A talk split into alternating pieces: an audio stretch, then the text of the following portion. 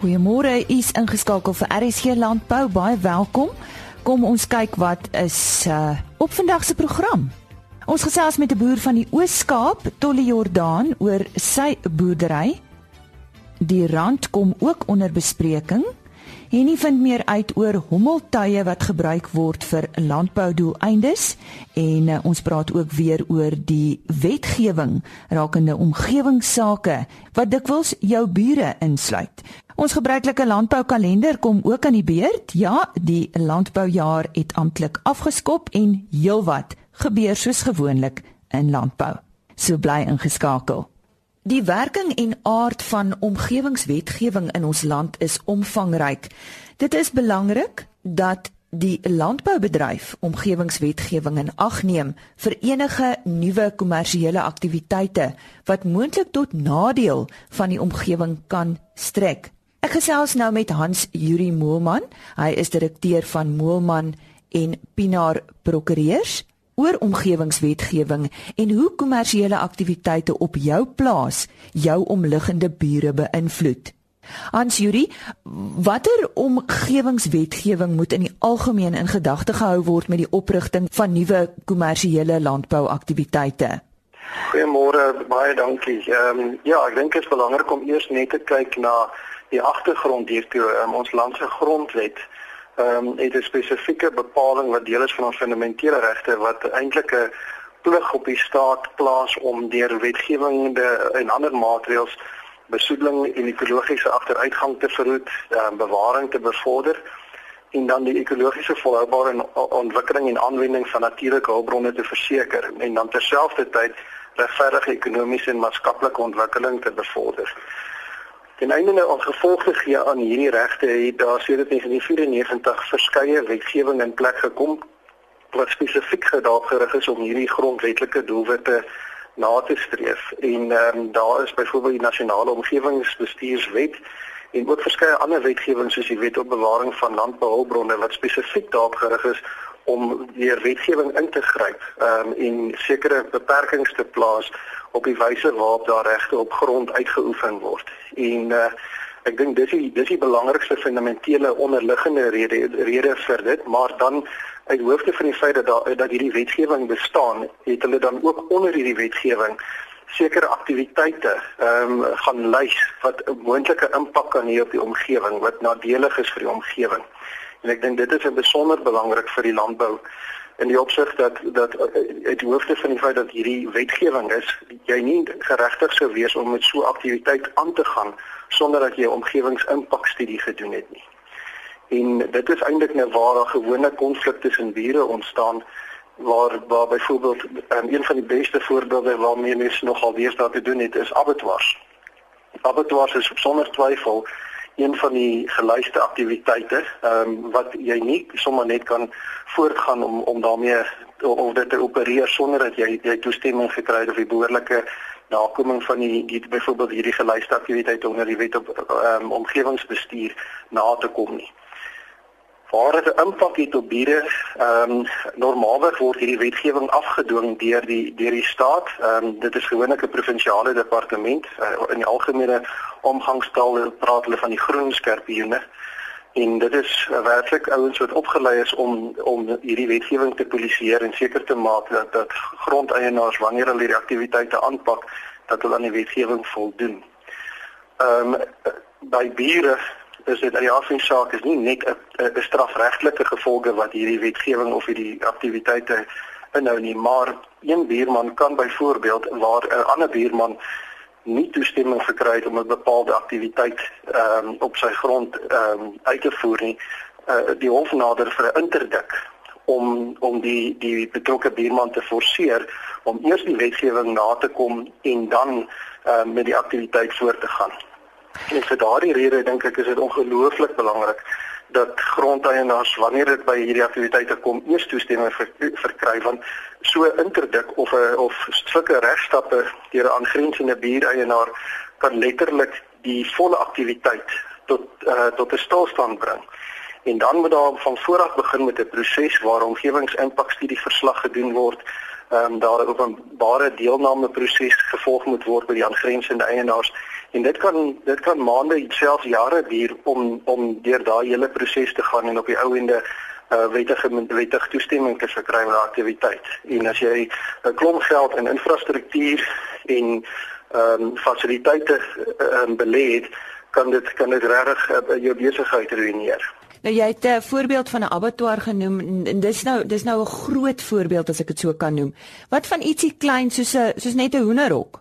Dis interessant. Die betrokke wetgewing het hulle die aktiwiteite nogal mooi uiteen gaan sit. Hulle praat hier byvoorbeeld van infrastruktuur vir die konsentrasie van diere vir kommersiële produksie in digthede van 20 vierkante meter per grootvee eenheid en meer as 500 eenhede per fasiliteit. En dan gaan hy af na ehm um, vir klein klein vee na 8 vierkante meter per klein vee eenheid en meer as 1000 eenhede per fasiliteit. En dan om dit nog verder te vat, varke is byvoorbeeld nog verder uitgesond en daar praat hulle van 250 varke per fasiliteit.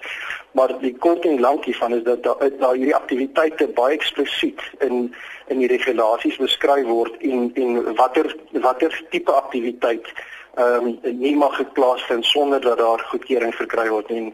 My raad sou wees is dat indien daar so aktiwiteite soos byvoorbeeld 'n abattoir of voerkrale aangepak sou word dat daar behoorlike advies verkry word om seker te maak dat die tipe aktiwiteit of die omvang van jou aktiwiteit nie deur die die ehm um, gelyste aktiwiteite onder die betrokke wetgewing geraak word nie en voordat jy begin met enige konstruksie of of werke dat jy behoorlike advies bekom om seker te maak dat dat dat jy nie later met gekonfronteer word met die die groen skerpioene wat op jou toeslaan en direktiewe uitreik om jou aan band jou aktiwiteite aan bande te lê nie of 'n buurman wat dan die hof sou nader om te sê maar hierdie aktiwiteite doen inbreuk op my regte, my gesonde omgewing en daar moet daar moet voldoen word aan die wetgewing. Ek wil 'n bietjie terugkom by die polisieering en ons praat nou hier van die sogenaamde groen skerpioene. As jou buurman nou nie noodwendige probleme het nie, hoe verseker kan jy wees dat daai groen skerpioene welkom kyk en welkom goed identifiseer waarvoor nie aansoek gedoen is nie. Ons is mos maar 'n land waar ons sê ag ons vat nou 'n kans want die polisie kom in elk geval nie. Uh wat is jou reaksie daarop? My reaksie daarop is dat dit dat dit wel 'n probleem is. Die die polisie polisieering van van hierdie aktiwiteite ek weet dit is 'n tweeërlei probleem. Dit is 'n redelik ingewikkelde wetgewing. Ehm um, so jy ver dat dit ver redelike redelike mate van kundigheid om om dit te polisieer en en ek dink die die kapasiteit um, om dit te doen um, en en ek praat van omvang is nie nie wat dit moet wees nie en daarmee saam is die vervolging van hierdie hierdie tipe misdrywe in in die howe. Ook 'n redelik gespesialiseerde ehm um, gespesialiseerde regs ehm um, aspek en en uit die afsake saak is is daar ook spesialis aanklaers wat hierdie sake aankla. En ek dink ons ons ons het nog baie werk te doen om ons vermoë om te polisieer en om te vervolg uit te brei in Suid-Afrika. Ehm um, daar was onlangs 'n uitspraak van 'n myn in in um, naby Krissies Meer waar 'n uitvoerende direkteur van van 'n maatskappy ehm um, 'n uh, uh, swaar boete opgelees as gevolg van uh, oortreding van die omgewingswetgewing en en ek dink dit is 'n baie goeie voorbeeld maar in daai geval het dit as 'n as 'n as 'n uitsonderlike geval gekry in die eerste geval gekry waar daar to, op tot so 'n mate ver um, voortgegaan is om iemand te vervolg in in 'n judisiëre kapasiteit. So ek ek ek ek ek, ek dink daar is 'n bepaalde probleem met dit maar die feit dat dit 'n gelyste aktiwiteit is is op sigself reeds bewyse dat dat, dat daar 'n mate van impak gaan wees as jy met hierdie aktiwiteit begin. Byvoorbeeld as jy 'n voerkraal sou begin, gaan daar verseker uh, 'n reuk ehm um, komponent ehm um, wees wat die wat die aangrensende diere gaan versteur. Ehm um, met ander woorde die gevolge van om nie die wetgewing na te kom nie, gaan of mag dalk in die toekoms 'n buurman nader om het sy eerder eerder sy 'n klag te gaan by die polisie.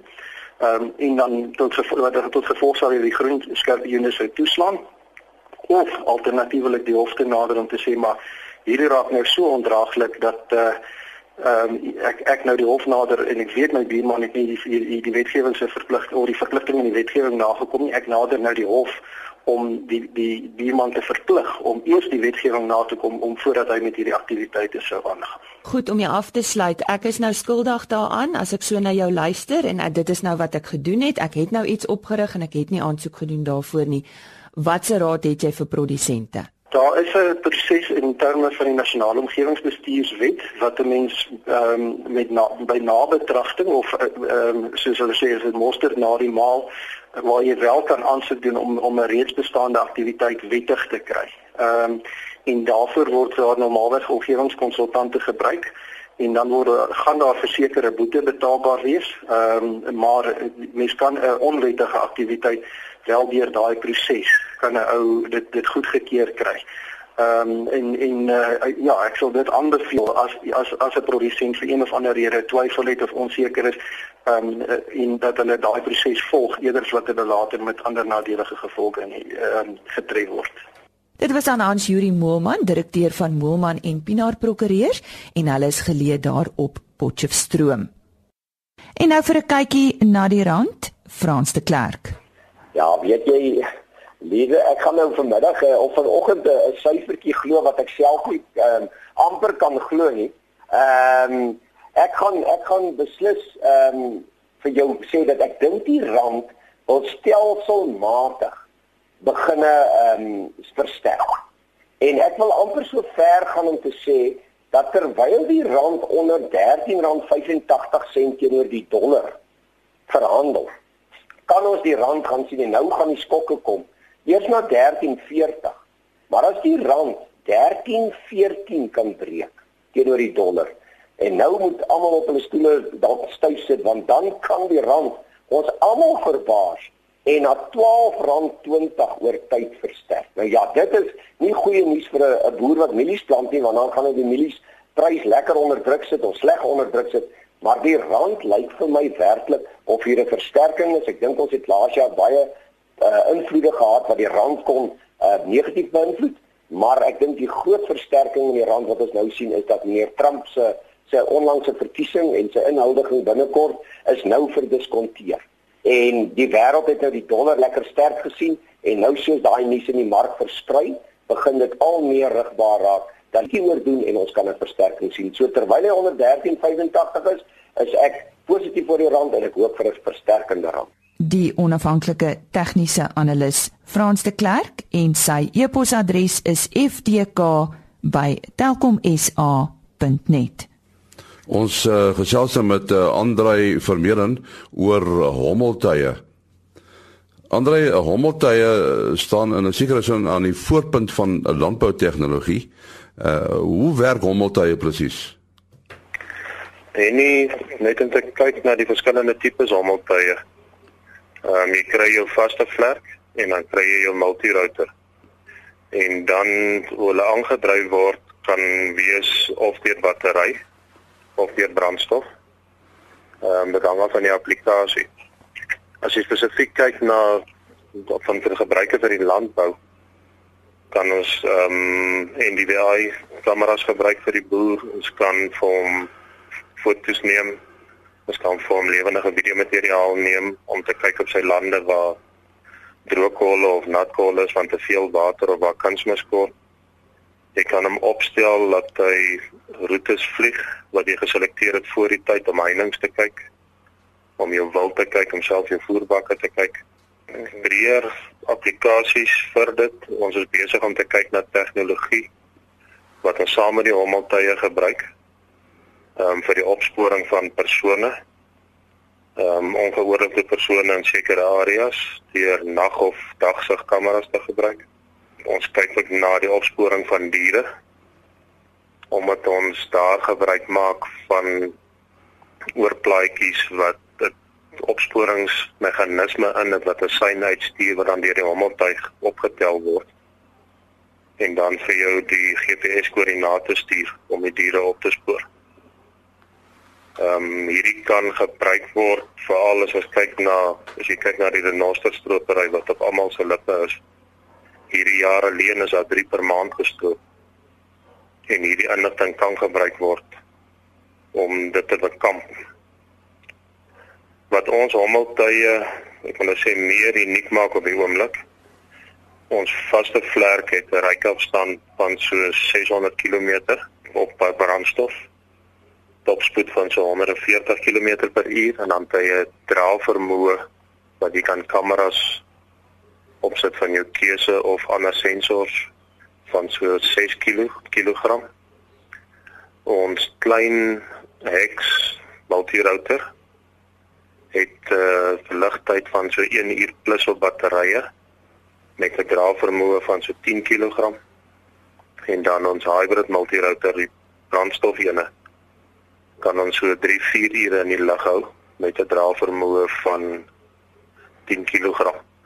Die draagvermoë is veral belangrik um, vir die boer of die persoon wat die drone gebruik om te besluit wat hy wil opsit. Wil hy pakkies aflewer, wil hy net kameras opsit, wil hy ander sensors opsit? Ehm um, wil hy meer brandstof opsit? So dit hang regtig af van die applikasie en waarvoor die boer die hommeltuig wil gebruik. En die maas daarin gesprek met Andrei Vermeulen. Dolly Jordan is die 5de generasie op 'n plaas in die Oos-Kaap. Ek het so 'n bietjie oor sy diverse boerdery gaan uitvind. Uh die plaas is in die Oos-Kaap, uh Somerset Oos en uh, uh ons bly in die Swarthoekvallei. Uh dis soos ek soos jy gesê het, ek is die vyfde generasie. My oupa hulle oupa grootjie het het het daar het die kom boer in hierdie vallei in die in die vroeë 1800s, eintlik in die laat 1700s, maar die vroeë 1800s en en toe het hulle daar begin boer en en hulle was maar meestal skaapboere, skaap en beesboere gewees uh in daai tyd gewees. So dit is maar waar ons gesetel is in die oorsaak. En uh, tans is dit 'n baie diverse boerdery, is ek reg? Dis reg ja, ons het maar so met die jare het ons maar aangepas, jy weet 'n ou 'n ou uh, verkoop maar die gras wat jy wat jy produseer. Jy weet uh, my pa het altyd vir my gesê uh wat wat verkoop 'n mens en en toe het hom gesê ons verkoop skape en, en ons verkoop wol en so aan. Dit hy sê nee, dit is dit is indirek wat ons verkoop. Maar ons verkoop die gras wat op die veld staan en uh 'n ou moet maar aanpas dat jy kan probeer om so ver as moontlik die meeste geld te maak uit die gras uit wat jy het. Jy weet so ons het maar gediversifiseer oor die jare uh omdat uh merino skape en en wol op 'n stadium maar swakkerig is. Dit dit gaan nou weer baie goed met hulle, maar dit was maar swakkerig gesien ons maar so aangepas en en maar maar ons besigheid het 'n bietjie verander. Jy weet, nou ou moet maar aanpas soos wat die jare aangaan. Jy weet, ou kan nie stagneer en sê dis wat jy mee gaan boer en dis wat jou paal mee geboer het en dis wat jy mee aangaan nie. Jy weet, so ons het aangepas. So wat is op die plaas vandag? Op die plaas vandag boer ons met uh uh ons boer met beeste. Uh en en dan en dan boer ons met angora bokke en dan op hierdie stadium is ons grootste uh inkomste of ons grootste besigheid is uit die wildbedryf. Jy weet uh ons het uh so 20 30 jaar al hier tyd van toe vanaf by 1986 het ek ek plaas gekom het ek 'n jagbesigheid begin. En uh uh toe het ons begin 'n jagte koöperatiewe jagters en en so het ons 'n wildbesigheid al meer en groter en groter geword. En uh uh in 1995 was die eerste keer wat ek Amerika toe gegaan het en en in die buiteland gaan bemark het en toe met internasionale jagters begine werk het. Uh en en so van 95 af is ons is ons nou maar in die buiteland te maak. Dit so ons het 'n jagbesigheid en dan dan boere moet word. Jy weet eksotiese wild oor die jare het maar elke keer as daar 'n bietjie geld was het ons iets anders ingebring en 'n ander spesies ingebring, jy weet. So uh, vandag het ons 26 verskillende spesies op die plaas. En ek sien nou boerbokke speel ook 'n rol. Boerbokke het 'n baie groot rol gespeel in ons besigheid, ja. Uh ons ons het tog op hierdie stadium met ons 'n klompie angora bokke en ek het nog 'n bietjie kalahari red. Uh die boerbokke het ons verkoop so dit is so 8 jaar gelede. My oupa, hulle was een uh, was was van die van die Jordan familie wat die boerbokke ge, ge veredel het uh en die boerbokke geteel het. So teeling is 'n baie groot ding in ons familie gewees. My pa was baie groot in die merino skietbedryf gewees. Uh so teeling loop in ons in ons are, jy weet, uh, op te teel. En en uh uh so ons het in 1994 uh het ek 'n ou ontmoet met die naam van Jurgen Soet en hy het gekom en hy hy wil 'n klompie boerbokke uitvoer Amerika toe en toe het ek hom gehelp om 'n klompie bokke uit te voer. Ons het 500 lewendige boerbokke uitgevoer en ons embriostasie op die plaas oopgemaak. Embrio's gespoel en dit uitgevoer. So dit was maar dit was in 95 gewees. So so die bokbedryf groter geword en hy het my gesê man teel die wolke brein, dan gaan jy eendag uh goeie geld maak en ek het toe maar die challenge gevat en begin het teel aan die Kalahari Reds en en van daai tyd af het ons het ons die Kalahari Reds ontwikkel. Jy weet, en, en vandag is die Kalahari Reds 'n bekende ras uh um en en doen baie baie goed in ons land. Jy weet, so uh ons het nog 'n klompie Kalahari Reds, ek het die groot gros het dit verkoop uh uh, omdat dit so goed gegaan het in die wildbedryf en die, en die bokke en die wild het bietjie mekaar se pad gekom. En uh dit het besluit om om van die bokke minder te maak, jy weet. Nou hierdie 'n uh, wild en bokke, is dit op verskillende plase, Tolly? Ja, ja, ons boer op verskillende plase, ja. Ons boer boer op verskillende stukke grond en ons probeer waar ons kan probeer ons hulle nie meng nie. Uh hier en daar gebeur dit dat dat, dat hulle gemeng word. Uh maar ons probeer ons bes om hulle nie te meng nie. Dis dit was een van die groot redes hoekom ons ons merino skape, ek het so 5 jaar gelede het ek ons merino skape ook verkoop. Jy weet die wild besigheid het net so groot geword dat hulle mekaar gepad begin kom het en laat laat uh, toe op daai stadium het ons net besef dat ons maak meer geld uit die wildbedryf uit en uit die jag uit as wat ons uit ons merino skape uitmaak. En toe het ons van die merino's verkoop, jy weet en en in hy in hy gedeelte, daai gras wat nou daar is, word nou benut deur wild, jy weet, en dit is nou maar die groot groot ding wat ek in die begin gesê het dat ons verkoop basies die gras nou deur wild. Ek wil terugkom na die Kalahari Reds toe. Ehm um, jy sê baie duidelik in 'n artikel wat ek gelees het dat 'n Kalahari Red is nie 'n boerbok nie. Vertel ons bietjie van die eienskappe. Ja, ja, ons het die Kalahari Reds begin in 19 in 1995 het ons hulle begin teel En uh, uh ek het 'n klompie bokke by 'n by 'n swart man gekoop en nou in Hooptown. En uh toe het ek 10 10 bokke uit uit uit uh uh uh, uh Namibia uit het ek ingebring. En daai bokke was was heeltemal indigenous bokke geweest wat op ekstensiewe toestande geboer gewees het vir 30 jaar. Jy weet. So die Kalahari is 'n baie harde bok. Hy hy's 'n fantastiese moeder. En ek dink daai twee eienskappe is is van sy beste eienskappe wat hy het, is dat hy baie gehard is en dat hy 'n baie goeie moeder is. Hulle is ook droogte bestand, met ander woorde hulle aard goed.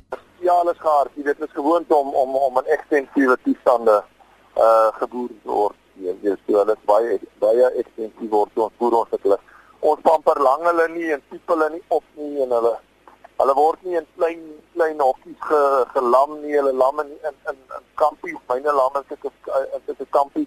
So hulle is baie gaar en en en hulle is fantastiese moeders, baie goeie moeders en staffe. En dan sien ek vnuik julle die uh, vee diewe ook lekker met uh, met hulle.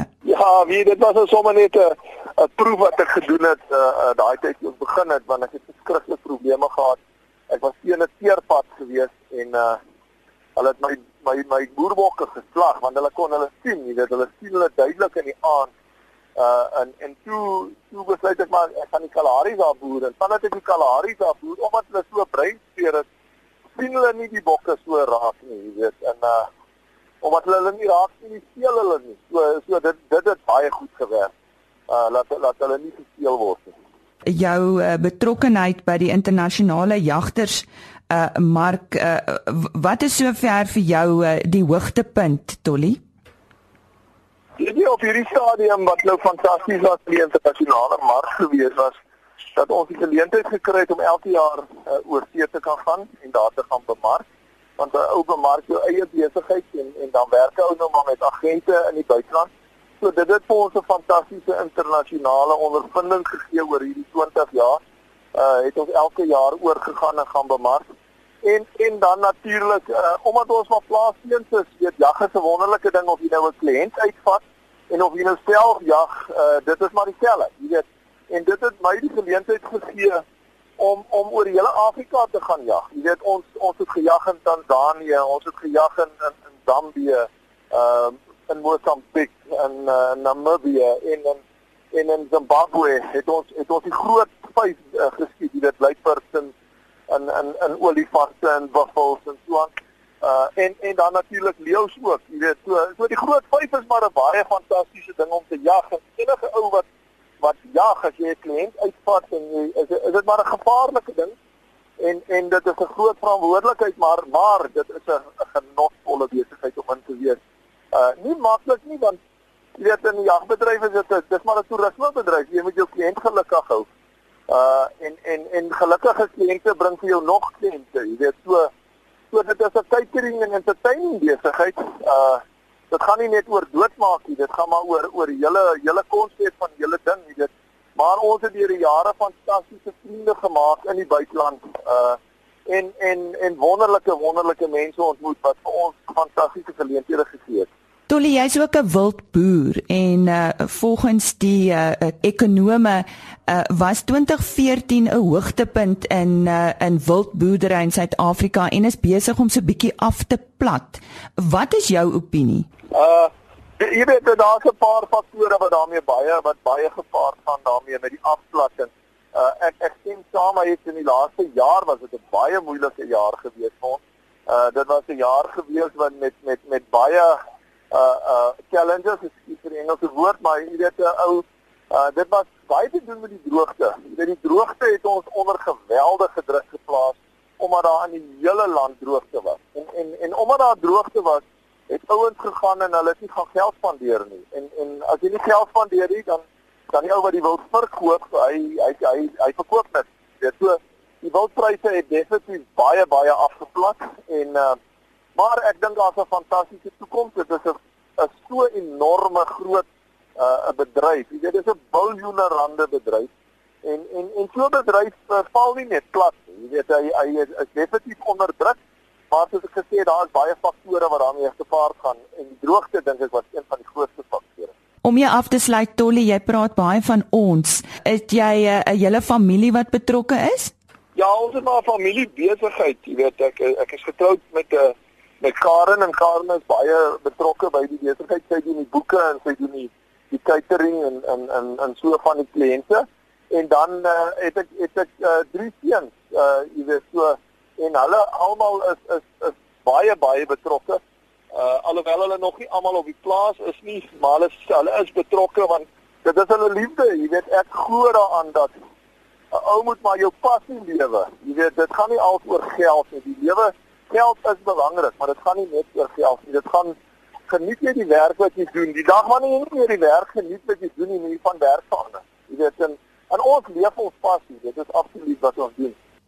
Ek het daar gesels met Tolly Jordaan van die plaas Grootvlakte in die vrugbare Swaarhoekvallei naby Somerset Oos.